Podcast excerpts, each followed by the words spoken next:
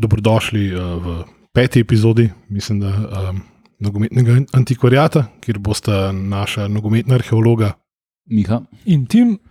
Um, povedala, kako je bilo slovenskim nogometom od leta 1925 dalje.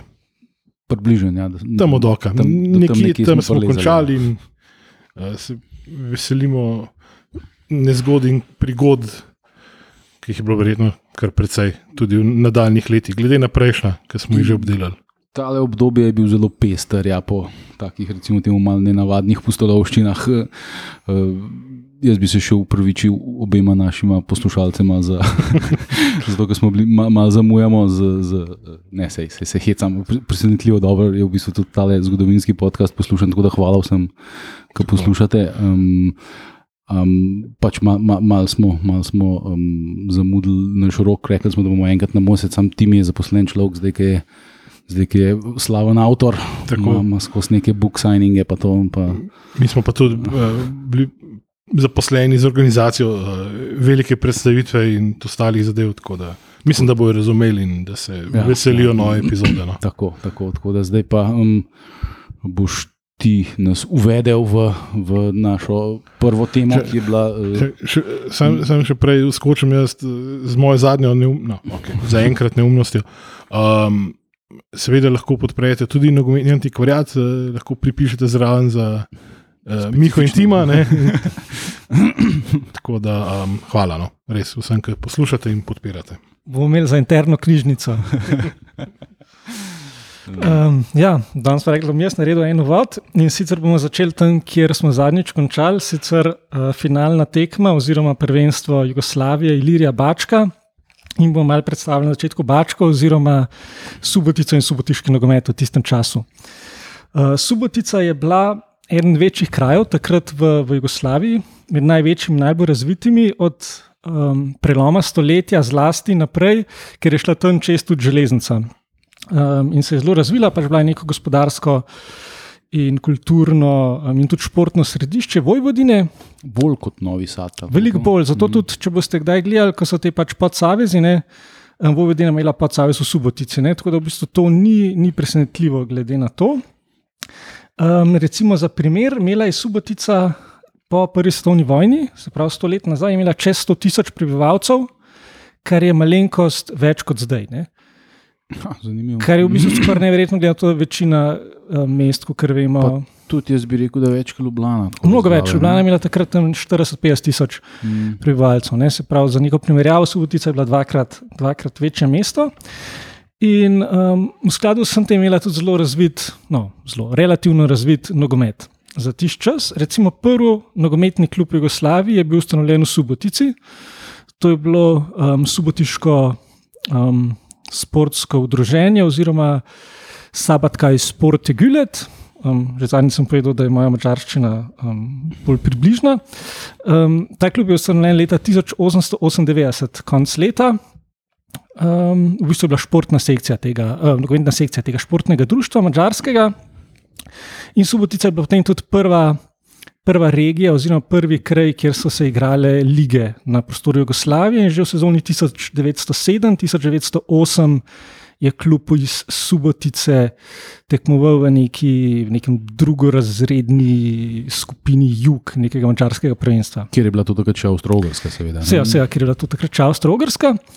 Um, in tudi najstarejši, še danes delujoči klub v Jugoslaviji je iz Subotice, torej to je pa ta Bačka, ki je bila nasprotnik. Sam, a to je čist za res? Ali je Um, to tako? Koliko bypassov je vmes? ja, ja, nikoli se nisem glih čist zelo. Nekaj, že, Um, že ta prehod med v letu 45 je verjeten malo sporen. Ne? mislim, da so se imenovali po drugi svetovni vojni, mislim, da Zvezda ali nekaj tasga. Um, pač imeli so nekaj vmes, um, druga imena, oziroma No, saj klubi. pre, preimenovanje je ena stvar. To je tako, ampak zdaj, ja, koliko so pa to direktni nasledniki Bačke, ali koliko so si pa vzeli to zgodovino, to pa ne vem. Ne. Um, Ta bačka iz 1902 ali nekaj 1901, mislim. Ena, ena. Ja. Um, to je v bistvu jugoslovanski klub, oziroma um, JSD Bačka, se pravi Jugoslavijsko sportsko društvo, medtem ko um, na drugi strani je bil pa Sant v tistem času, mogoče še skoraj bolj znan takrat. Um, to je bilo pa bolj neko liberalno meščanstvo, se je izbiralo tega kluba, se pravi bolj pro-mačarski. In to so bili zelo veliki derbi v, v Subotici. Čeprav Bačka je bila bolj hrvaški klub, ne Ja. po nacionalnosti. Ja, Subotica je bila zelo mešana, pač v tistih časih, kot se za ta um, avstro-ogrska mesta na nekih bolj mejnih področjih spodobne. Bilo je veliko Mačarov, večina prebivalcev so bili pa Bunjevci. A šta je to? Bunjevci so pa pač neki južni Slovani, um, Ki katoliški, se radi bunijo. ja, ki v bistvu danes jih imajo kot za neke vrste Hrvatov. Aha, zato, pač, zato, ker so bili katoliki. oziroma so- Ja, ja, ja zato ja. A, in ta pač Bačka je, so, je bila bunjevački klub. Ja, ja. Bačka je bila v bistvu torej bolj bunjevački klub. Uh, poleg tega je bil pa še Žak, se pravi pa bolj delovski železničarski klub, ki je pa pol ta Spartak, uh, sedanji klub, nekako naslednik Žaka. Ne. Trije močni klubi so bili v bistvu in to je tudi verjetno razlog, da klubi Subotice, čeprav kot smo rekli, bila velik mest in razvit nogomet, niso ponavadi posegali v nek vrh um, jugoslovanskega nogometa pred vojno. Pač so bili vsi trije zelo solidni, ampak noben pa ni bil vrhunski. Mm. Ja, sej. Um, tako, um, malo je tudi manjkalo, da bi Ilirija gostovala v, v Subotici, ki si jo zdaj tako lepo opisal, ampak uh, ker žreb za, za um, to tekmo ne, je bil je določil Ilirijo kot domačina.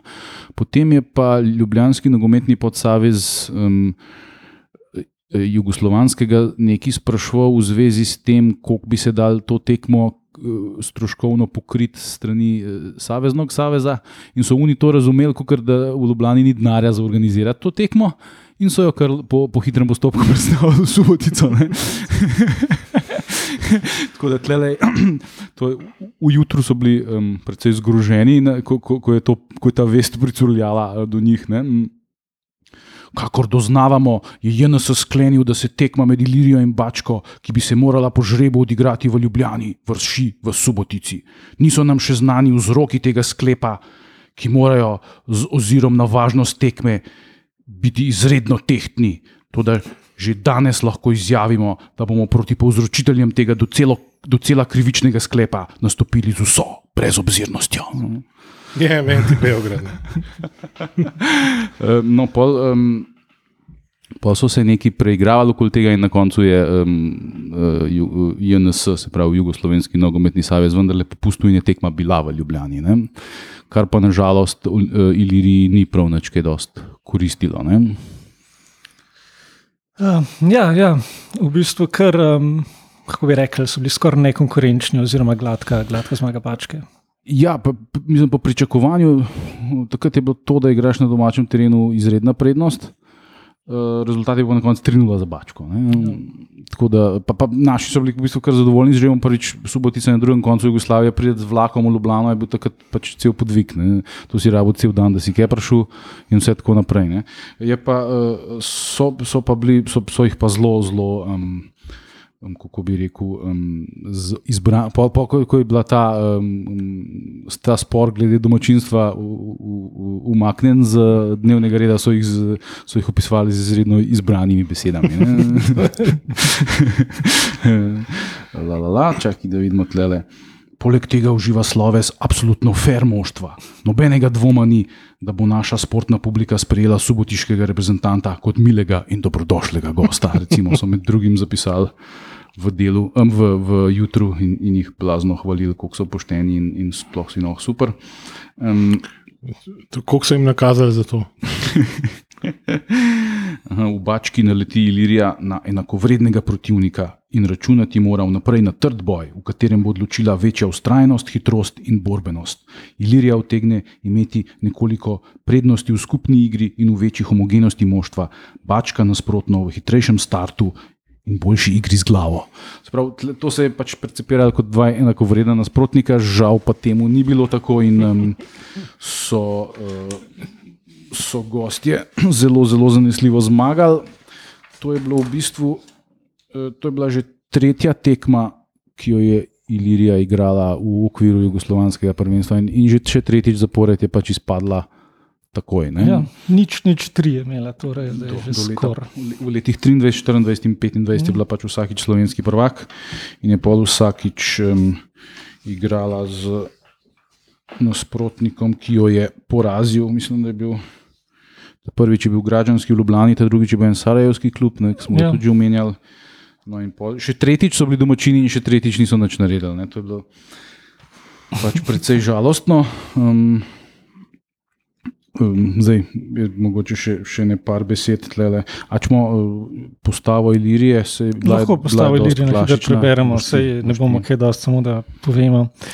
Um, Miklaučič v golu, potem pa Pogačar, Beltram, Dekleva, Zupančič 2, Zupančič 3, Zupančič 1, Pevalek 1, Oman Dobrlet, Pevalek 2. Se pravi, v bistvu bolj kot ne standardni igravci, ki smo jih že predstavili večinoma, razen mogoče Dobrlet je bil nekako Je bil tle še relativno mlad, ja, mlad in nov igralec, pravi Vane Dobrlet.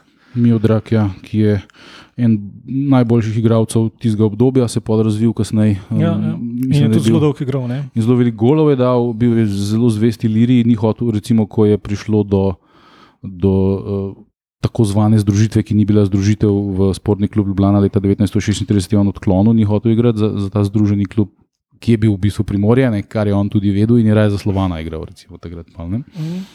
um, je pa pol kasneje tudi že bil zaposlen v odredu, um, je imel neke, neke funkcije, je imel pol kasneje v odredu. da- Njegov oče pa mislim, da je v neko vojno lice. Ja, se on je bil, mislim, da je bil srb po rodu, ja, Ja. ja. let. Um, drugače bi mogoče še tega branilca Pogačarja omenil. Mhm. On je, on je bil v smučarskih skakalcih, ne je bil Ja, ta. on je bil prvi jugoslovanski državni prvak v smučarskih skokih, skokom vem, 9 ali 10 metrov. Nekaj je, mislim, več kot bi vsi mi skočili, verjetno. ne. Mislim, eh, Je, je bil pa, ja, ne glede na pristank. Ja, ne, ampak je pa zanimivo, ker takrat je bila ta, ta kako bi temu rekel, multi, multišportnost, Športnost, ja. kako bi temu rekel, še In, relativno. interdisciplinarno. Tako, tako, evo, to, to, ne. to, bi bil, to bi bil zanimiv triatlon. Ne. Fusbal, sk- smučarski skoki, pa še nekaj tretjega. Um, tako da, ja, evo, tlele še, še par besed o tej tekmi, pa gremo pa naprej. Um, tekmi, tekma ni bila niti z ene, niti z druge strani na visokem sportskem nivoju. Bačka je odigrala boljše kot v Zagrebu in je očividno dala vse iz sebe, ter njeni zmagi nikakor ni oporekati. Vendar v splošnem svojo igro ni vzbudila velike pozornosti. Ker je Ljubljana videla že mnogo boljših klubov. Že od boljših smo zgubili. kaj. Tako da, ja, to je bila še, še tretji poskus Ilirije, da bi se prebila v drugo rundo jugoslovanskega prvenstva, ki je bilo neuspešno. Je bilo pa to finale 1925 zanimivo, zato ker je bilo, mislim, da posneto. Ne? V finalu sta podigrala Beograjska Jugoslavija, pa Zagrebški Građanski. A nisi to že prejšnjič rekel za prejšnjo finale? Uh, ne vem. Uh, No, eno od teh finalov. Ja, ne, mislim, da sem v teh cajtangih zdaj za leto 25 Aha. zasledil, da, se, da, da, da, da je bila v kinu pač tekma predvajana, Aha, aha. ne? posnetek tekme, ne? pač krepko daleč, mnogo časa po dejanski tekmi. Ne? V naših kinih tudi. V Sloveniji, v Ljubljani. Ja, ja, ja. Eh, Tako da, ja, mogoče zdaj le. Zdaj si me zmedel s tem, da si si rekel, da sem to že omenil. Ampak, um, uh, Možda da so bile obe, ne? ja, možno. Ja, možno. Pač, uh, Tako velik v bistvu dogodek, da so snemali. Wow, ne. ja, leta 25 je bil to, ne, a veš, to, to, to zelo malo. Televizije ni bilo. Ne. Ne, televizije ni, ra- radio je bil, še radio je bil relativno v povojih. Ne. Mm. Mislim, pr, prvi, prvi direktni prenos nogometne teme v Sloveniji je bil šele par let kasneje, dev- 1929, recimo. Ne. Radio je bil v bistvu, mislim, da ni bil v živo, ne, da so imeli samo neke posnete uh, stvari, ki so jih pač predvajali. Ja, ne. nekako, ne, ni ja. bilo še tega. Mislim, bile, niso bile tudi že kakšne unije, kot reke veselo igre ali pa kaj, ki so brali. Ali je to že bilo takrat? Možno, ja, možno. Ampak mislim, da se v glavnem sem enkrat bral neke te sporede, eh, radijske iz tistega časa in tako pač zelo malo je programa, pa, pa, pa v glavnem neka muzika. Pa, Torej, je, bil pa futbol, oziroma mislim, šport, torej futbol, očitno že od samega začetka tudi del neke urbane kulture. Torej, ne. ja, mislim, pred, Sigurno, ja. predvsem, predvsem uh, je bil, se mi zdi, stvar urbane kulture, ker na, na podeželju se je zelo, je bil predvsej bolj nerazvit. Ne? Zagreb, Beograd, Ljubljana, uh, Subotica, Sarajevo, te večje mesta so bila dejansko uh, glavna gonilna sila. Ne, A so takrat že bili zvočni filmi? ne, ne. Ne. ne. Takrat glih še ne, ne? mislim, To- to je bilo tam okoli leta spektakularno. 30. Zač, začetek 30. Prven so se spremem po- še kasneje. No, E, To je bilo spektakularno, da, je v bistvu, da se tekmo predvaja v kinodvorani, zraven pa Igra. na klavirju pač ne spremljava. To, Ja, ali so mi, ali pa, pa, realna sprejava bi bila, da bi najeli nekaj ljudi, da bi se dobro odpička ti, materina, pucaj na gol, jebem ti boga. pa, pa en francel, ki tam v vsakem štartu zeleno toče po nečem lesenem. Ne. Oh, ja, okay. Mm, Tako da ja, pač Slovenci smo ponovno Orali ledino. Ja, neslavno propadli, recimo, Okay, no. v, v državnem prvenstvu. Smo pa leta 1925 organizirali svoje prvo pokalno tekmovanje. Ne? V Ki, pač tako kot danes, ko imamo ligaško in pokalno tekmovanje, leta 1925 je bilo zgodovinsko prvo pokalno tekmovanje v Sloveniji organizirano, eh, prav na izpadanje. Bilo je pa organizirano po istem ključu kot državno prvenstvo, sam da se je pač igrala samo pač na izpadanje, medtem ko so igrali pač ta okrožja, so bila Ljubljansko, Mariborsko in Celsko. Na koncu eh, so pa pač. Zanimivo, ali je bilo celsko še to, čisto na začetku, še priključeno Mariborskemu, mogoče, pa sta pa samo zmagovalca. Ne, mislim, da je bilo celo Ljubljanskemu priključeno. tako, ja.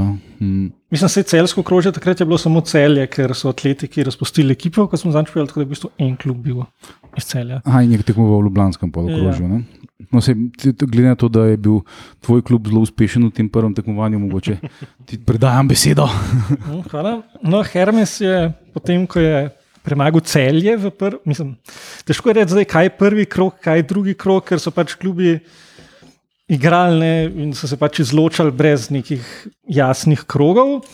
Um, tako da ja, Hermes je premagal celje, medtem ko so ostali klubi igrali med sabo v Ljubljanskem pa v Mariborskem okrožju.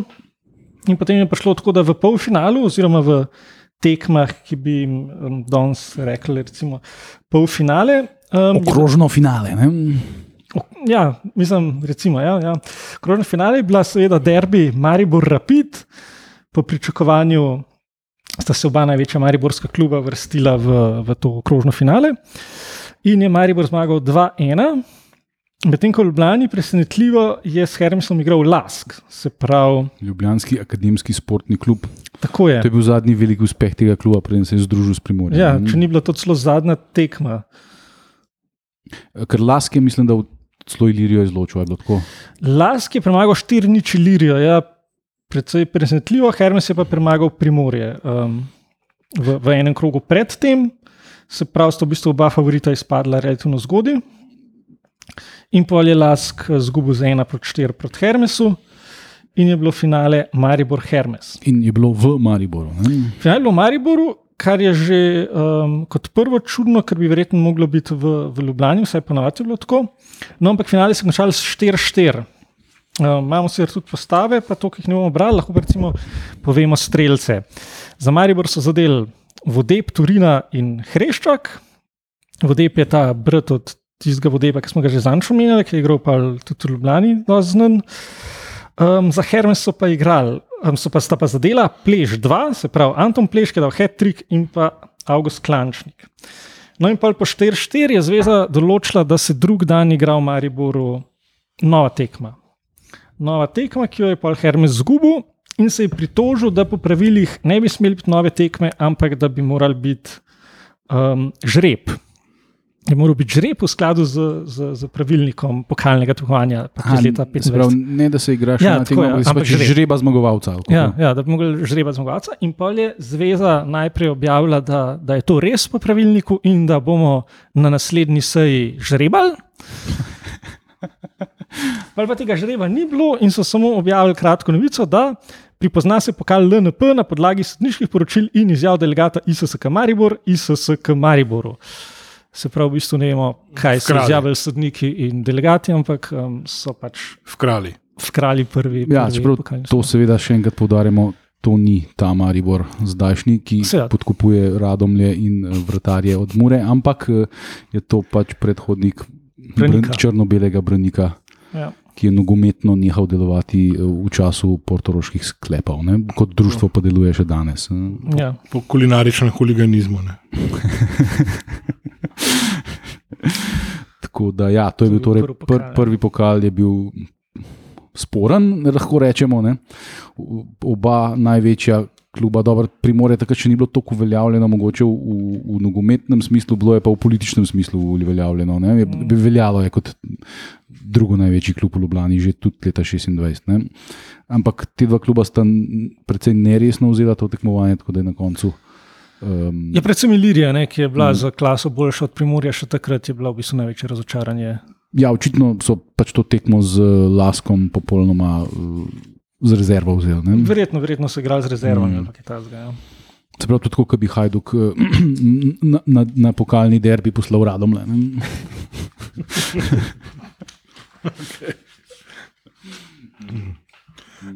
Ampak tako kot so Angliji ponovadi tretirali ta drugo in tretje razredne evropske tekmovanja. Ne. ja, So prišli glih to, da so prišli, pa oddelali svoje, izpadli čim prej in sam, se da, posvetili ligi. da jim ni bilo treba sodelovati. Ja. Um, tako da dobro, to je, to je to, kar se tiče um, leta 25, zdaj pa, um, če nimamo nič več drugega, gremo na slavno sezono 25-26. Je še to mogoče, ne, da to ni bil edini pokal v tistih časih. Aha. Ampak se je igral tudi pokal kralja. A, Um, se pravi, pokal, za katerega je jugoslovanski kralj, ne, mislim, seveda ne iz svojega žepa, ne, priskrbel velik pokal. Ne.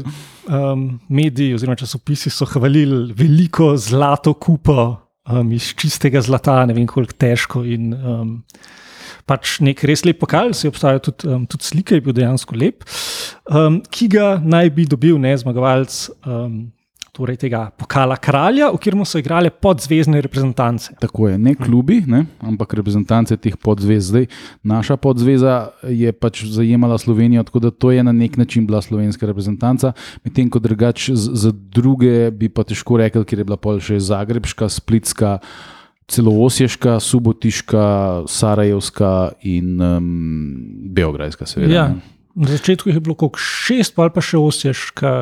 Kas- Ja, mislim, da v prvem mogoče niso delovala Osješka. Ne? Tako da na nek način, kar se nas tiče, ne, je to nek, recimo, temu predhodnik slovenske reprezentance, ker je, to je bila dejansko ekipa zbrana z najboljših futbolerjev, ki so tak, takrat igrali v, na, na slovenskih tleh, ne, brez seveda ozemlja, ki je pripadalo Italiji. Ne. Tako da Rodolfo Volk, ki je igral za Romo, ni prišel igrati za LNP. Ampak pol nekemu podobnemu principu sledi. Pred kratkim sem zasledil, da ste igrali reprezentanci, kaj MNZ Ljubljane in MNZ Cele. Aha, ja, ne, ne, malo drugače. To je pa zdaj tekmovanje za, to so bile kvalifikacije za Evropsko, se pravi, UEFA-ino tekmovanje pokala regij, oziroma Regions Cup, kjer pa igrajo amaterske reprezentance. In samo pravi, od tretje lige. Tretje lige navzdol. Mm. Eh, Članske, amaterske. Ja. In je Ljubljana, se pravi, MNZ Ljubljana je zmagala to, to kvalifikacijsko tekmovanje in se uvrstila v, na ta pokal regij, ki bo ne vem, kje že v Španiji ali kje. Opa. Okay. Zanimivo. Okay, ja, prvo, prvi pokal kralja je bil v sezoni 24-25, se pravi jesen 24, jesen se je že igral, um, se pravi, malo se vračamo. In je Zagrebski nogometni podsavez igral v prvem krogu proti Ljubljanskemu nogometnemu podsavezu.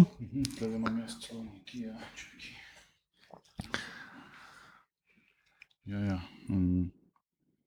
Eh, Zdaj, tle je moštvo, ki so ga izbrali. Ne vem, če je to moštvo igralo, ampak je pa zanimivo, ker so pri pri vseh so zraven. Um, Klubi. ja, Imamo da- tudi moštvo, ki je igralo, se mislim, Aha. da je isto. No, ampak, um, A, dej, dej, bomo, bomo videli. Primerite zapiske. Recimo, na, napovedali so uh, Mihelčiča v golu, se pa ki je bil takrat v Hermesu. ne? ja, ja. Uh, pol pa uh, Pogačar in Beltram, ki smo jih že prej Ja. omenjali, pred Bački od Ilirije, Baumgartner iz Ptuja, ja. pa uh, Lado in Gabe Zupančič iz Ilirije, Zemljak iz Hermesa, Erman in Birsa iz Primorja, pa Dobrlet, pa Pevalek 2, to je Josip, če se ne motim. To je Inke, Ah, um, Mirko. Mirko Pevalek, pa iz Ilirije, rezervi pa Pleš 2, Hermes, pa Zupančič, Milan Ilirija. Čeprav Pleš 2 je pa. Uh, Anton. Aha, spravo napadalec, ne? Ja, ja. Kot unta drugi obranilec. Ja. ne. Tako da to je bila napovedana reprezentanca. Ki, jo, ne, mislim, In dejansko- tudi igrala je ta reprezentanca. Je pa zanimivo, da je bil Baumgartner iz Ptuja. Ne? Zanimivo, ne? Iz, Um, iz, iz Maribora, pa ne iz Rapida, ne iz prvega SSK, ni bilo nikogar. Ne? mislim, da je ta Baumgartner igral svoj čas, ne, a predtem ali potem tudi za Rapid. Mislim, da potem, ja. Ker To je 24. je še zgodaj, mislim, da je pol kasneje to je bilo. Ne? Um, tako da ne vem, pač, ja, ne, ne navadno, no, da je ta igralec. Um, Je pa zanimivo, da tle, tle so pa še navodila, ki mogoče danes zvenijo malo smešno, ampak bom prebral to, ki je zabavno. Moštvo odpotuje v nedeljo ob 8:26 zjutraj iz glavnega kolodvora. Vsi, ja. vsi igrači morajo biti točno ob 8:15 zbrani pred glavnim vhodom. S seboj morajo prinesti vso opremo, čevlje, nogavice, ščitnike na kolenice in črne hlačke. Svitre sprejmejo od kapetana, svitri se je rekel majcam. Ja, ja. ne. Um, A, Sweater. ne. ja. Ja, ja. Eh, Se pravi, dejansko so dobili savezne, eh, oziroma podsavezne svitre, ne? se pravi, reprezentančne drese, Ga- gate so vse opnesli, mislim, hlače. ne. Ampak so mogli, vsi so mogli imeti črne, ne? da se ne, da ne bi. eh, Klubi nosijo vso odgovornost za opremljanje in točno obveščanje svojih igračev. Navedeni igrači morajo priti danes v petek točno ob 18. uri na igrišče Ilirije, k kratkemu treningu, kapetan. Z- Ja, mogoče pa viš, mogoče pa je v tem problem, ne, da pač, kar se Mariborčanov tiče, ne, da pač um, bi mogli oni priti, bi mogli biti ob 8:15 že v Ljubljani zjutraj. ne. Ja, ja. Bi mogli en dan prej, pa morajo še spati v Ljubljani, to mora nekdo plačati. Ne. Mm. Ko Verjetno ne. ta spotuje, pa. Ja, sej, mogoče pa glih bil v Ja, Ljubljani. tako da je veliko Ljubljane. Ja. Okay. Ja, pol, um, no, boš ti še kaj o tekmi povedal? Um, ne, mislim, Ja, da si- so veliko ni. Mislim, sem mislim, samo- rezultat je bil zelo ugoden. Ja, rezultat je bil 3-2, se pravi v Zagrebu je Ljubljanska podzveza izgubila samo 3-2, kar je. Ja, glede na določene rezultate med Ljubljansko in Zagrebško reprezentanco, zdaj Ljubljansko, govorimo, to mislimo s, s Ja. Ljubljansko podzvezo, ne Ljubljano Ja, kot ja, mesto. Ne, Eh, je bilo doskrat zelo visoko v prid Zagreba, ne, oziroma Zagrebškega Ljublja- Ponavadi, ja. Saveza. Um, tle je bilo pa zelo napeto in sicer, um, kot so menili v jutru, um, um, mislim, zmagali so šele po podaljških Zagrebčani, um, naši so vodili ob polčasu celo. Sodnik je bil slab, eh, zmagoviti gol je bil pa iz offsajda. Aha. Streljca za, za naše, pa dober let in pevalek. Tako je. Publike nad 3000. Kar je relativno malo. Ja, za Zagreb to ni neki blazno. Ja. Očitno ni, ni bilo še ta uh, kup kralja, takrat še Mhm. ni bil tako blazno. Um, Prestižen. Očitno je bil levi del napada dober, ne? ker sta um, levo krilo in leva zveza dala gole. Očitno, ja. ali, ali so bili pa Zagrebčani slabi, glih na uni strani. Ja, zdaj ste klavi na desni. Ja. Ja.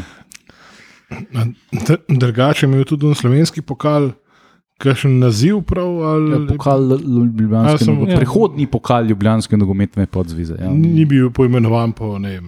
Ne, Aj, itak, zgodovina ni bila tako dolga, nogometna, da bi ne vem, Blodah se ni mogel še tukaj uštul zraven. Ne, ne, bilo je, bil takrat še, še zelo um, aktiven član Ilirije. Tako da moja primorjašinja je pristala na to, da se po njemu imenuje. še skoraj lahko igral. ja. Ja, no, pa pa še kar naslednjo sezono najbolj da pogledamo, ko smo že glih pri kupu kralja. Dajmo. In sicer leta 25 jesen um, je Ljubljanska nogometna podzveza, se pravi slovenska pentanca, igrala spet proti Zagrebu. Ne vem, ali je bil to slučajen žreb ali so imeli mogoče kar mal. Um, Da je čim krajša pot z vlakom. Ne? ja. No, kakorkoli, um, tokrat je bilo doma, se pravi na igrišču Ilirije, gledalcev pa približno 1600. Um, Prav pomanjka v Zagrebu. ja, kar Ampak realno kaže nekako. Uh, ja, je pa, je pa bilo, je bilo to, to je bil za, tak, tak, za takrat kar soliden obisk. Ne? Ja. Mislim, več kot 4000 jih ni- nisi zbasil, kaj noter. Ne? Eh, Kar bomo sicer kasneje prišli do tega, da so sicer neke, neki poskusi, da se določene tekme povzdignejo z velikimi ciframi, ampak bomo do tega Že možno takrat smo goljufali. Um, zdaj od te tekme, um, tokrat je bil rezultat 3 proti 1 za Zagrebško podzvezo. Um, kaj več pa nimaš, ti mogoče tudi. Um, Ne, ne, razen tega, da so bili domačini, postave nimaš. postavo pa imam, lahko postaviš, nekaj preverjamo. Da vidimo, če so bili podobni igralci. Je malo drugačno že. Um, Golijo Miklavčič iz Ilirije, Aha, ker je bil, ker je bil Mihajlović takrat že v Zagrebu. že v Zagrebu. Tako, je, ja. Aj, Vse on se je pa v bistvu kvalificiral za Zagrebško podzvezo za reprezentanco. Ne? Verjetno je celo branil na tej tekmi. Za, Aha, za nimaš Zagreb. ni. Mislim, da je. Ja. Jaz Zagreba, imam v ja. glavi, da je. Ja. Um, obramba, Pogačar, Ilirija, Beltram, Ilirija, um, potem pa Krilci, Zemljak, Primorje, ne, prvič od, od Primorja, igralec, um, potem Gabe Zupančič iz Ilirije in Lado Zupančič iz Ilirije, napad Janez Zupančič iz Ilirije, Oto Oman iz Ilirije, Josip Pleš, se pravi starejši Pleš iz Hermesa, Miodrag Dobrlet, Ilirija, pa Ciril Jamnik, Jadran. Opa, še iz Jadrana smo imeli enega. Ja, zanimivo, trije ne? igralci, ne Ilirijani, so bili reprezentanci. Ne? Mm, Zdaj pa se vprašamo, seveda je bilo to pač, kukar, da ne bo zdaj čist samo. Ker eh, splitsko reprezentanco je doskrat predstavljala prva ekipa Hajduka. Ne? Mm. mm. Um, tako da. Uh, vem, Ja, se je tudi igrana, ne, pa navad, mislim. Ja, ja. Če niso res Sam, sam, sam boljši, reprezentančni niso. svitre so imeli, pa je bilo. Ja. Ja, Pleš je bil takrat uh, zelo dober. Ne? S Hermesom ga je tudi Lirija pripeljala, mislim, da po tej sezoni k sebi. Mm, Um, tako da on je itak šel v Hiliri, um, drugi pa kaj, Zemljak pa Jamnik. Ja, Pavle Zemljak je recimo en od teh um, um, igralcev Primorja, ki niso, ki imajo nobene veze s Primorsko. ne. Tle se, tle se je že nagibalo. Tudi je eh, prišel iz Hermesa. Ja, ja pač Ljubljančan, Mm. mm. in ki, ki je kazalo na pač vse bolj ljubljanski karakter tega moštva, uh, že na sre, na sredi 20-ih, ne, Mm. potem pa še precej bolj. Ne, kljub uh, tej. Um, Tako ne, nekako um, izpričani primorskosti in um, jokanju za izgubljeno uh, ro, uh, grudo, in tako naprej. Ne. Ni hidaj to neč patetiko, ki je del naše zgodovine. Drugač pa, sej, pri splitski reprezentanci to ni bil problem. Ne. Eni takrat je tako, ali pa mogoče malo kasneje, so imeli grb na, na dresi, tako prpet z gumbi. Sem ti so odpel dol in je, lej, sploh niso dresov rabili menjati, verjetno. Ja, viš, to, pa, to, to je pa priročno. Jaz se mislim, Hajduk je bil takrat krepko najmočnejši klub v mestu Splitu, bil je še RNK, ne, ki se je mislim, da takrat še imenoval Borac. Uf, ja, ta RNK se je skoraj vsako leto preimenoval, oziroma dejansko sploh ne gre za isti klub. Ne. A ja? Ja, tam je bilo tako ponad, da so te RNK oziroma njegove predhodnike so prepovedali, ne. Aha, in pa so ti isti redno ljudje. se je to dogajalo in pa so ti isti ljudje ustanovili. Ja, ker je bil pač ne. to delavski, levičarski Ja, klub in ja. ga je pač oblast preganjala. Ne? Najprej bil anarh, pa pol Točno, ja. Pa ne vem kaj sliši jug, pa ne vem kaj. Kako, kako nesramno od oblasti, da gre kljub z imenom Anarh preganjati. Kako si drzne. No, drugač pa ja, je bil Hajduk precej boljši. No. Enkrat sem gledal te lestvice iz, iz tega splitskega podsaveza in um, v teh prvih letih je bil Hajduk praktično brez, mislim, tudi pol kasneje. No, v slogu Ilirije. Ne? Ja, ja, Vse. Ilirija pri nas je tudi premagovala vse z visokimi rezultati, če se ji je le ljubili igrati. ne. Mhm. Tako, da, ja, to, smo, zdaj, to je bil pol, um, pogremo pa zdaj na. Um, Končno na sezono 25-26. Ja, ker prejšnja sezona 14-25, je, ko smo jo obdelali v prejšnji uh, epizodi, je bila zelo zanimiva iz vidika, da je bila um, združena. Ne? Pač uh, skupna liga se je igrala. Žal so se odločili, da um, temu ne bo več tako. Zdaj, um, kar jaz razumem to politiko, je to sforsiralo primorje, ampak nisem pa čist prepričan, ker je ta politika, ki se dogaja v zakolisju in to kreganje, tako kompliciran, da ne vem, komu, mislim, komu je to koristilo. Da se ne igra več eh, Ja, Združena liga. ja. To tudi jaz ne razumem, če dobro, to je zelo čuden, ker, kot sem jaz razumel, je tudi prejšnjo spremembo sforsiralo Primorje. Primorje je skozi hotel igrati to enotno ligo, ne medtem ko Ilirija pa ni hotela, Ilirija je hotela Mm. igrati samo neke močne prijateljske tekme z mednarodnimi, mislim, s tujimi klubi. Mm. In je bila ta liga čisto odveč, ampak so jo vsem sforsirali in se je pa po enem letu, ko je bilo Primorje na oblasti, ne, so jo pa ukinili. Ja, ja se je glik zato, ne, ker v, v, v, do, do konca leta 1926 je bilo primorje uh, na oblasti v Ljubljanski nogometni podzvezi. Ja, ne. 25-26, ja. ja. Ja. No, in um, ta uh, sezona, evo, jaz sem tle že pred mnogimi leti, ko sem, ko sem, ko ko sem, ko sem zbiral te podatke, sem jaz le krajši rezime sezone napisal, tako da mogoče če tole preberem, bolj dem hiter jasen. Um, potem, ko se je v sezoni 24-25 prvenstvo igralo v enotni ligi, so pri LNP, ki je bila v rokah Primorja, za to sezono spremenili sistem, menda zaradi finančnih razlogov in se vrnili na prejšnjo obliko tekmovanja. V prvi fazi so moštva tekmovala v Ljubljanskem, Mariborskem in Celskem, Celskem okrožju, potem so žrebali izmed treh zmagovalcev dva polfinalista, preostali pa, je, pa se je uvrstil direktno v finale, ki se je kot vedno doslej igralo v Ljubljani. Ne. Za prvenstvo se je prijavilo 17 klubov, v Ljubljani 7, so bili Ilirija, Primorje, Jadran, Slovan, Hermes, Slavija in Svoboda. V Mariboru 6, Maribor, Rapid, Merkur, Svoboda, Maribor, Ptuj in Mura. V celju štirje, cele Atletik Sport Club, Red Star in Šoštajn. Že pred začetkom tekmovanja je Šoštajn izstopil, Mura pa je odigrala samo jesenski del in, in eno samo tekmo spomladanskega. Tudi Ljubljanska Slavija je mislila izstopiti, po koncu jesenskega dela, a si je kasneje premislila. Prvenstvo so zaznamovale ogromne razlike med klubi, saj sta bili v Ljubljani Slavija in Svoboda povsem nekonkurenčni, enako je pa veljalo tudi za Moriborsko svobodo, Muro, Ptuj in celski Red Star. Tako da, ja. Pač v istih ligah so se znašli klubi, ki niso imeli v teh ligah kaj početi skupaj. Ja, v bistvu, pa, da si predstavljate, vsi klubi, ki so obstajali v Sloveniji, so igrali v prvi ligi. Ne? Ja, s tem, da pač regionalno porazdeljeni, No, no, ja, ampak ja. ampak ja. um, in tako, da si imel pol, recimo, rezultate, kot je Primorje, Svoboda, Ljubljana 14-0, pol si imel tle Ilirija, Slavija 15-0, uh, pol si imel Ilirija, Svoboda 11-0, Ilirija, Slovan tudi 11-0. um, Slovan, Svoboda, pol recimo 6-0, um, Jadran, Slovan 7-1. ne, Pač tako zelo, zelo verjetno je bil velik užitek te tekme gledati. Bilo je veliko golov. To. Um, s tem, da pa, pa je bil še eh, Svoboda, je sicer eno tekmo zmagala, ampak so ji, so ji, ker je iz nekega razloga so ji to tekmo razveljavili. In so ji dali minus dve točke. In Tako da je bila na koncu kljub vsemu zadnja, čeprav je Slavija vse tekme izgubila, Svoboda je pa Slavijo premagala. Ampak nek problem je bil, po, po mojem, je bil problem, čez, um, po mojem, je bil problem političen. Ne? Bi jaz rekel. Ne? Pač zato, ker je bila Svoboda tako prikrito komunistični klub. Ne? Mislim, glede to, da so bili tako zadnji, pa se ni v ničemer odločali. Ne vem. Ja, sam po mojem je šlo za eno tako politično izživljanje. Ne? Ja, Une minus dve točke sta prav tako znak, da je nekdo pač se kar mal Pa norčeval iz njih. No. Problemi neki s temi igravci, ne, za katere so pač našli, da niso pravilno registrirani. Tako, ja. neke Se tudi stvari. sta se odbiti, odbili dve točki, recimo, ker je proti Primorju nastopilo z neverificiranim igralcem. Ne? Tako da sta Jadran je bil na koncu zaradi tega četrti, drugač bi bil nad Slovanom. Ne? Um, drugač pa pač Ilirija je pa eno tekmo vsem izgubila in to je bil po mojem derbi z Primorjem. Ne?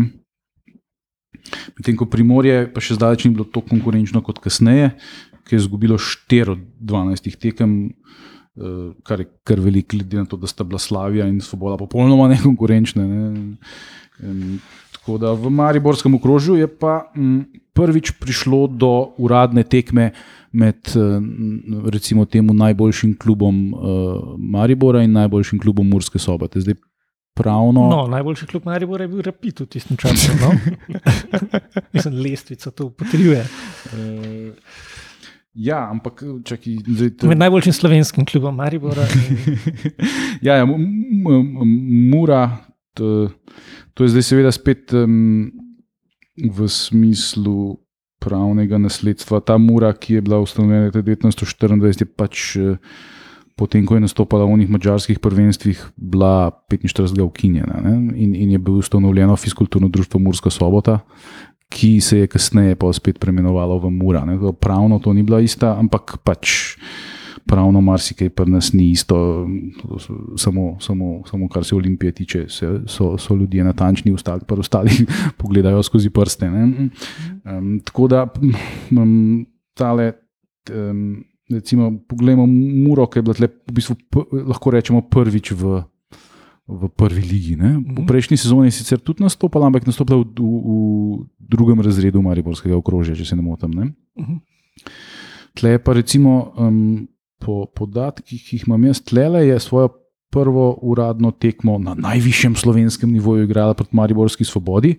Se pravi, to je tudi komunistični klub, ki je takrat deloval v, v Mariboru. Ne, pač ta svoboda je bila neka krovna delavska organizacija, to smo že omenjali v, v prejšnjem. Zasedanju. No, Mura je premagala Svobodo 3-2, tako da njena prva tekma v, v prvi slovenski ligi, če lahko rečemo, je bila uspešna. Potem pa ni šlo več tako dobro. Recimo proti Rapidu je izgubila 8-1, proti Ptuju 5-1, proti Merkurju celo 14-0. No, v Mari, prvič je pa prvi sportski, nogom, sportski slovenski sportski klub Maribor gostoval v Murski soboti 25. oktober 1925. Ne, to, je pravi, to je recimo neke vrste predhodnik Mariborsko prekmorskega derbija, ki je danes ena največjih tekem v Sloveniji. Ne, um, Tekma Murski soboti se je končala z tesnih 11 proti nič za Mariborčane. Ne.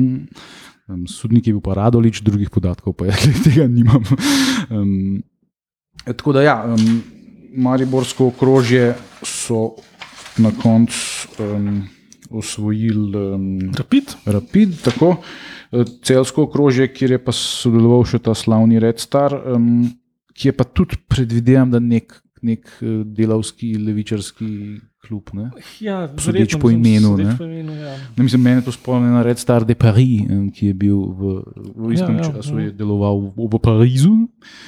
Um, tako da, ja, um, tle je bilo pa tudi, nek, te so bile tudi neke mučke, kot vedno, in na koncu je celje, mislim, da je bilo kao zmagovalec. Celje je bilo zmagovalec. Ja. Ja.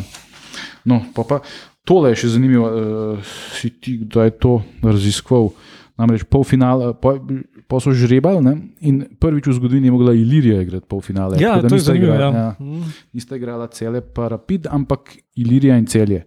Zdaj, tekma je bila 13. maja 26 v celju na skalni kleti, um, ampak zdaj tako, mislim, po tem, kar sem jaz uspel uh, razvozlati, je bila tekma ni bila odigrana in je bila določena 3-0 brez boja za Ilirijo. Ja. Potem so igrali pa prijateljsko tekmo, ki jo je Ilirija dobila 5-2. Tako da jaz tega ne razumem čez dobro. Jutro poroča, da je celje na, prven, da, da celje na prvenstveni tekmi ni nastopilo in je izgubilo s 3-0 brez boja, da pa sta moštvi potem odigrali prijateljsko tekmo. v čem je tle logika, jaz ne razumem. Razen, če, mislim, da bi celjani zamudili na, na tekmo, ki jo sami organizirajo, verjetno ni prav verjetno. Ne? Mislim, da so to neki protestno, ne vem, niso dovolili neki, nekih igralcev, da bi igrali neka taka forela in da so rekli, da ne bodo igrali. Aha. Da so bili kao neverificirani. Ja, ne vem, zakaj točno. Ja. In pa so v duhu šport, v pravem športnem duhu odigrali Vse odigrali. Ja. S temi okay. igralci, ki so bili neverificirani. no, pa, pa. pa se je Ilirija junaško prebila v finale, ne? kjer se je pa pomerila s slavnim nemškutarskim rapidom, šlo je za nacionalno čast. Absolutno ni prišlo v poštev, da bi švabi bili slovenski prvaki. Mislim, da je tudi, tudi v bistvu prva tekma na, na, na Iliriji bila v, v rednem delu še zelo izenačena. Ne? Um, ja, ne vem, koliko je bilo vredno. 3-3. Ja, po podaljških je pa zmagala Ilirija 7-3. In to je pa tista tekma, ki je bila razveljavljena. Tako ne? je, tekma je bila po pritožbi Rapida razveljavljena, ker jo je sodnik na koncu podaljšal za 5 minut. Že redni del mogoče, ali kaj, da je Ilirija izenačila? Ne vem, um, možno, ja, možno po gibanju rezultata je Ilija izenačila na 3-3. Ja. Da, no, skratka, uh, Igra se, dokler ne izenačimo. Ne? Ja, očitno je prvi time. očitno je pač eh, LNP, ki je bil takrat v rokah primorja, če smemo pripomniti, ne, eh, pač sprejel to pritožbo in, jo, in je razveljavil to zmago 7-3, in je bila pol. Uh, Skoraj en mesec kasneje, ta prva tekma je bila 30. maja, druga tekma je bila 20. junija. Uh, je pa Ilirija Rapid premagala 6-1, tako da tle pa pol nekako ni bilo dvoma. in je tako že ne vem, petič, šestič, stotič zapored postala slovenski prvak. Ja, ja.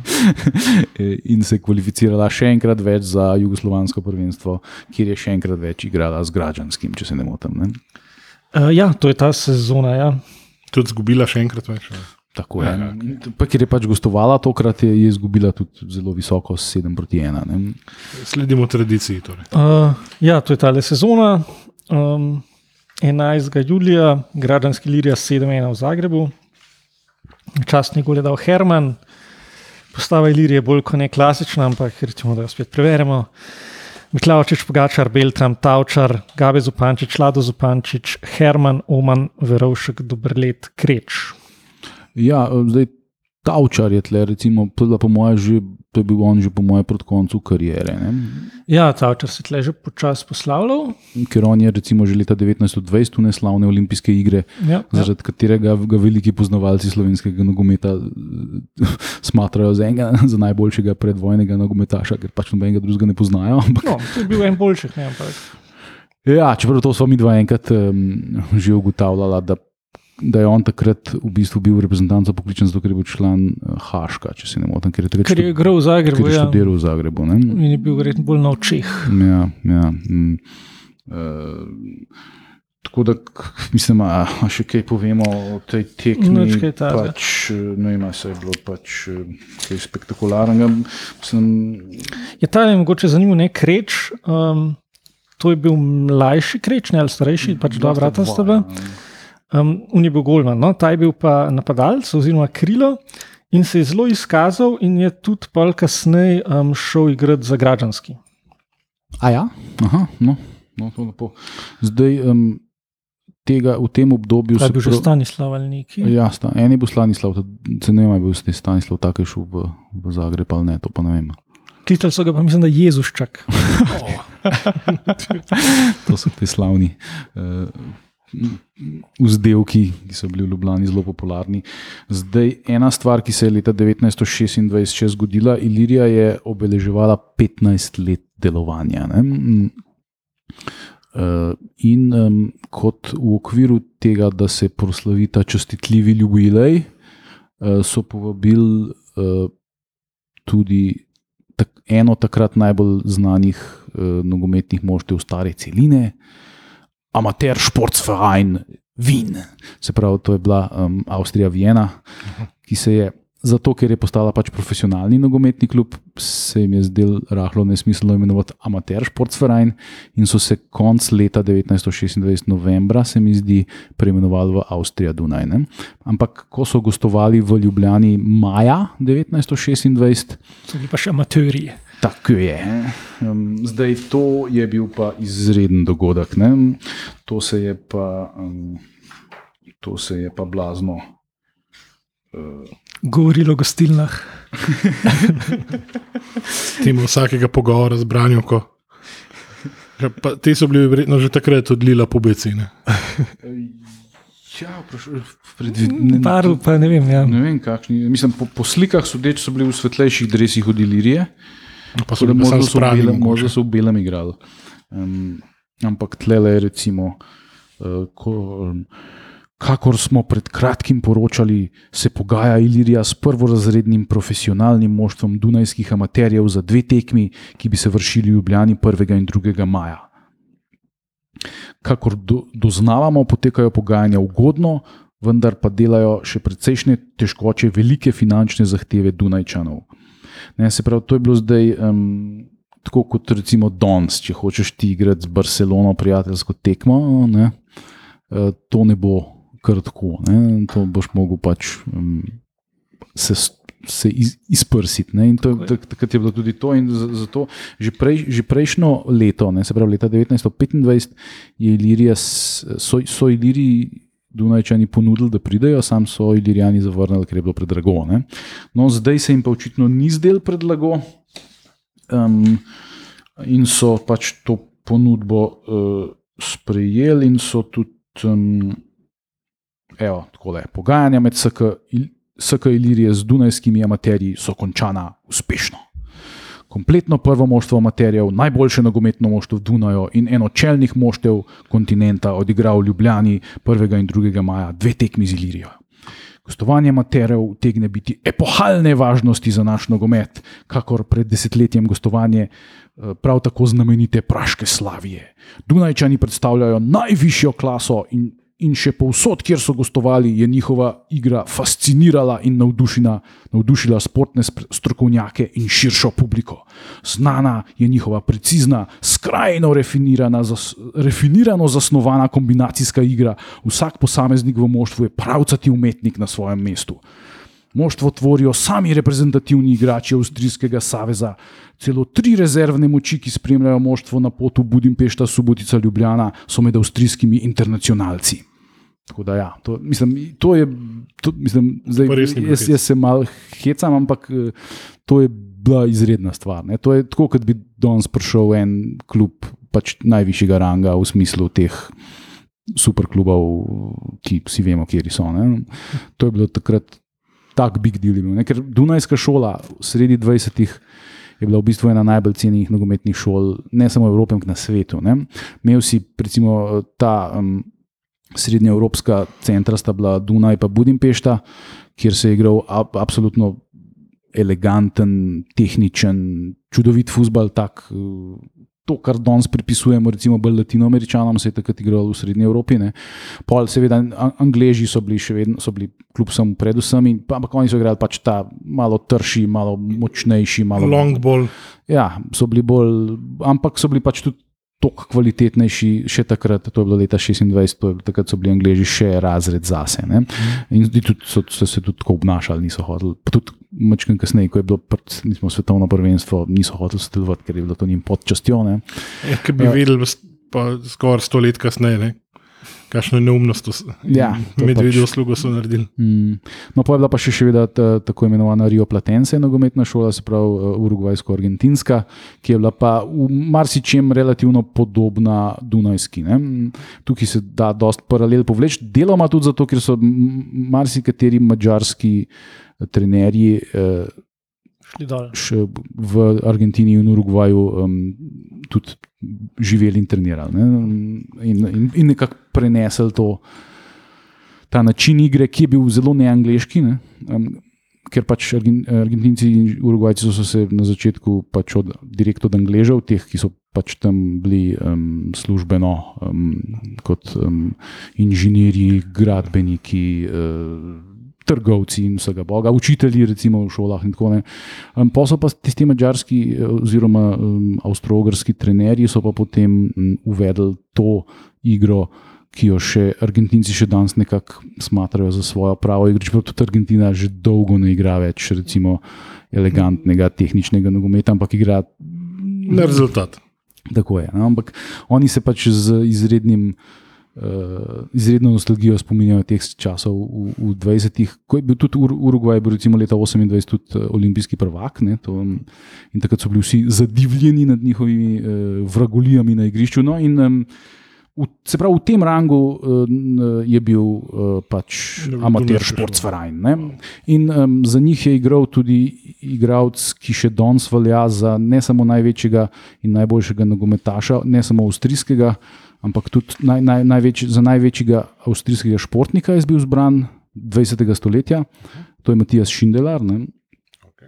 legendarni um, uh, napadalec, slash krilo, um, ki je pač um, eden najbolj, recimo, temu mitskih nogometašov vseh časov, uh, deloma zaradi svoje izredne igre, ne, ki, ki, ki je bila pač. Uh, Kukor ga opisujejo, je bil nek tak igralec tipa Messi, ne, da je pač izreden dribling, izreden pregled žoge, izredno učinkovit, skozi gole dajal. Ne. Predvsem je pa, pa on je znan, sicer tle, ko je leta 26 prišel v Ljubljano, je bil star 23 let, tako da še ni bil tako blazno znan. On se je glih dobro prebil v to 11-terico. Um, je pa kasneje pač bil pa nesporno najboljši nogometaš v Evropi. Ne. In tudi leta 34 bi bili verjetno Avstrijci, če ne bi duče svetovnega prvenstva prikrojil po svoje, bi bili verjetno svetovni prvaki. Um, čeprav takrat je bil je že malo poškodovan, pa malo utrujen. ob Anšlusu se je pa zgodil ta njegov um, največji moment, zgodovinski, zaradi česar je mogoče ni samo nogometaš, ampak je ikona, ne? Šindelar, uh, ko so pač um, ko je, po Anšlusu so pač združili avstrijsko in um, nemško reprezentanco, ker je bila avstrijska takrat zanimivo, precej boljša. Ne? In kot poslovilno tekmo avstrijske reprezentance je pač sta igrala Avstrija in um, Nemčija med sabo. Zdaj to govorim za precej naprej, to je bilo leta 38, ko je bil Anšlus. Prav, v kontekstu. Ja, ampak da, to, da povemo, kaj je Šindelar pomenil, ker mogoče naši poslušalci ne vajo čisto dobro. In to tekmo. Pr, pr, um, nekako mislim, da je tudi Hitler osebno šel pogledat. Ne. Hitler je zelo nerad hodil na nogometne tekme, mislim, da je bil samo na dveh ali treh v, svoji, v svojem življenju. Um, in um, pač uh, v prvem polčasu je Šindler igral zelo, zelo slabo. In so, mislim, je bil rezultat, mislim, da neodločen. Pol v drugem polčasu, uh, če ni bilo ena situacija, je bila tako, da je on prišel pred gol predribil še na koncu vrtarja, žogo pustil na golčati, ni hodil od gola. Ne? Kao, ne, iz principa, ne, pač, da, nek, nek tihi protest, ne, pač ni dal gola v situaciji, ko bi ga sam pač porinil čez črto. Ne. No, v drugem božju je pa pa dal ene par gola in potem, po, po tem, kar govorijo, je Mende tudi malo provokativno slavil te gole. Ne. Tako da potem ni nastopil leta 1938 ko je združena nemško-avstrijska uh, nacistična reprezentanca igrala v Franciji, ne, takrat Šindelera ni bilo zraven. Bili so eni Avstrijci, ampak uh, ekipa ni dobro prošla.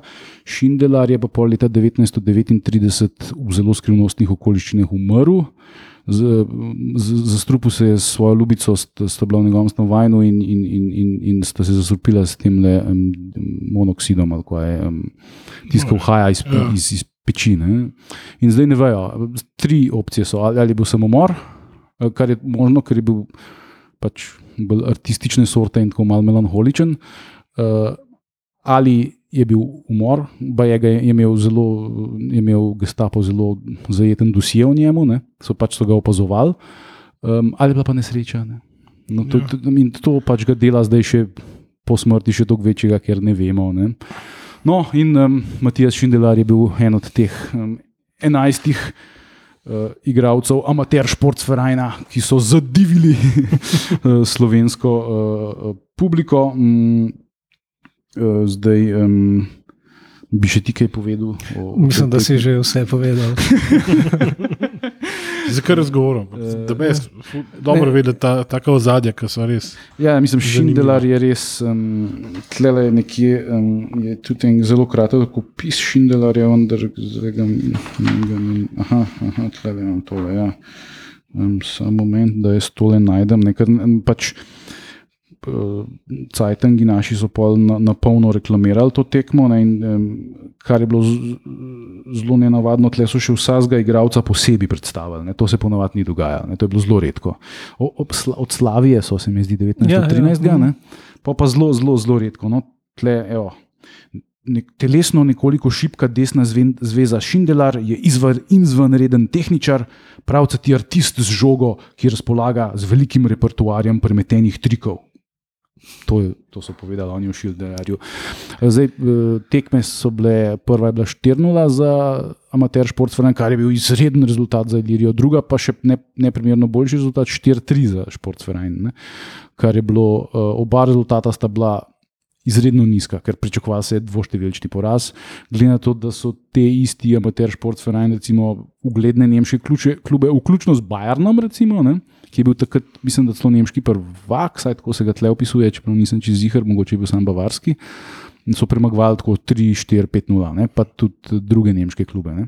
Tako da je Ilirija tle dosti dobro skozi prišla, od osmih golov, ki jih je zabil, amater šport Fenajni dal štirši delar. Ne. Je Ilirija bila kar solidna tudi zato, ker je imela zankla v vezi. Tako je, to je bil novi trener. On je bil pa v bistvu tudi reprezentant avstrijski.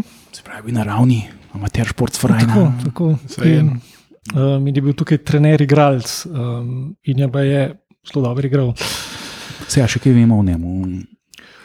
Uf, niti ne, mislim, igral je za Viner šport klub. Um, Drugega pa ne. Mm, ja, ja, pač, ja. Imamo nekaj slike tudi. Pa, zanimiv, Uh, Šindelar je bil v bistvu prvi, ki je imel vzdevek, pač, uh, A- nogometni Mozart, ne? Pa, pa papirnati Tako, človek. Ja. Papirnati človek, ker je bil res tako droben. In, In zelo gumijast. Ja. Mm. Ja. Mm. Kakšni drugi pa niso znani od um, amaterjev? Jaz jih ne poznam, Zdaj, Okej. ne, vem, ali lahko, jih preberem, ampak če- po mojem, pa če. če smisla. mm, ja, mislim, bili so vsi pač mm, avstrijski Reprezentativci. in, internacionalci. Tako da, ja, to, je, bil- to je bil verjetno največji dogodek um, nogometni leta 1926. Zdaj, um, jutro je napisalo, sam, da je bilo ogromno gledalcev, medtem ko je Slovenec je pa ponudil cifro 2500. Ne? Kar ni toliko ogromno. Ja, kar jih je bilo že kdaj več. Ne? 3 do Ker je bilo 4. treba davke prijaviti od predanih Mm. kart, ki jih je bilo naenkrat manj. ne. Ja, po moje je bila stvar tudi v tem, da pač, ker je bilo gostovanje tako eminentnega kluba, vendarle zelo drago, so bile verjetno tudi karte. Mislim, da se to tudi umenja v Cajtangih, da bodo Mhm. karte nič Aha, ja, ja. dražje. Ne? In to je pa, ko, se hitro pozna. pa slovencev plačati. Ja, to pa ne. Za stone pa ne grem. Sim, mislim, da na tej točki, v bistvu, uh, na cliffhangerju tega velikega Mogoče- dogodka, Aha, že. Mogoče še eno kratko statistiko Povej. za konec. evo, za to sezono, ker pa smo zaključili lahko. Um, se mi zdi zanimivo. Ali pa lahko, mislim, lahko Kar tudi. kar. No, Jugoslavija je imela takrat 234 klubov in 8000 igračev, Slovenija pa samo 19 klubov z nad 800 verificiranimi igrači. Zdaj, če si damo nek, um, neko primerjavo, Jugoslavija je imela takrat 12 milijonov prebivalcev, Slovenija pa milijon. Um, tako da v bistvu pa. Um, to niti ni, v bistvu pa spet ni toliko malo, oziroma je kar nekako um, nekak razumljivo, da je recimo desetina jugoslovanskih klubov bilo v Sloveniji in sicer jih lahko kar preberemo za zaključek tele oddaje. To pa so bili v Ljubljani športni klub Ilirija, športni klub Jadran, železničarski športni klub Hermes, akademski športni klub Primorje, športni klub Slovan, športni klub Slavija, športni klub Svoboda, v Mariboru prvi slovenski športni klub Maribor, športno društvo Rapid, trgovski športni klub Merkur, športni klub Svoboda, v Celju športni klub Celje, atletski športni klub Red Star, v Ptuju športni klub Tuj, v Kranju športni klub Korotan, v Trbovljah športni klub Trbovlje, v Murski soboti športni klub Mura, v Šoštanju športno društvo Šoštan. Tako da to so bili vsi klubi, ki To so bili vsi klubi, ki so bili učlanjeni v zvezo. Tako ne. je. Um, Bil pa verjetno še kakšen divji klub na okoli. Ja.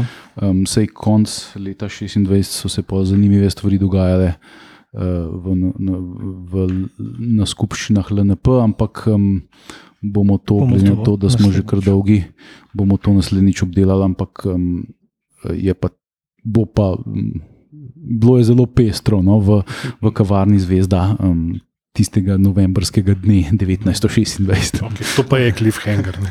Tako da, Uh, se poslušamo v naslednji epizodi.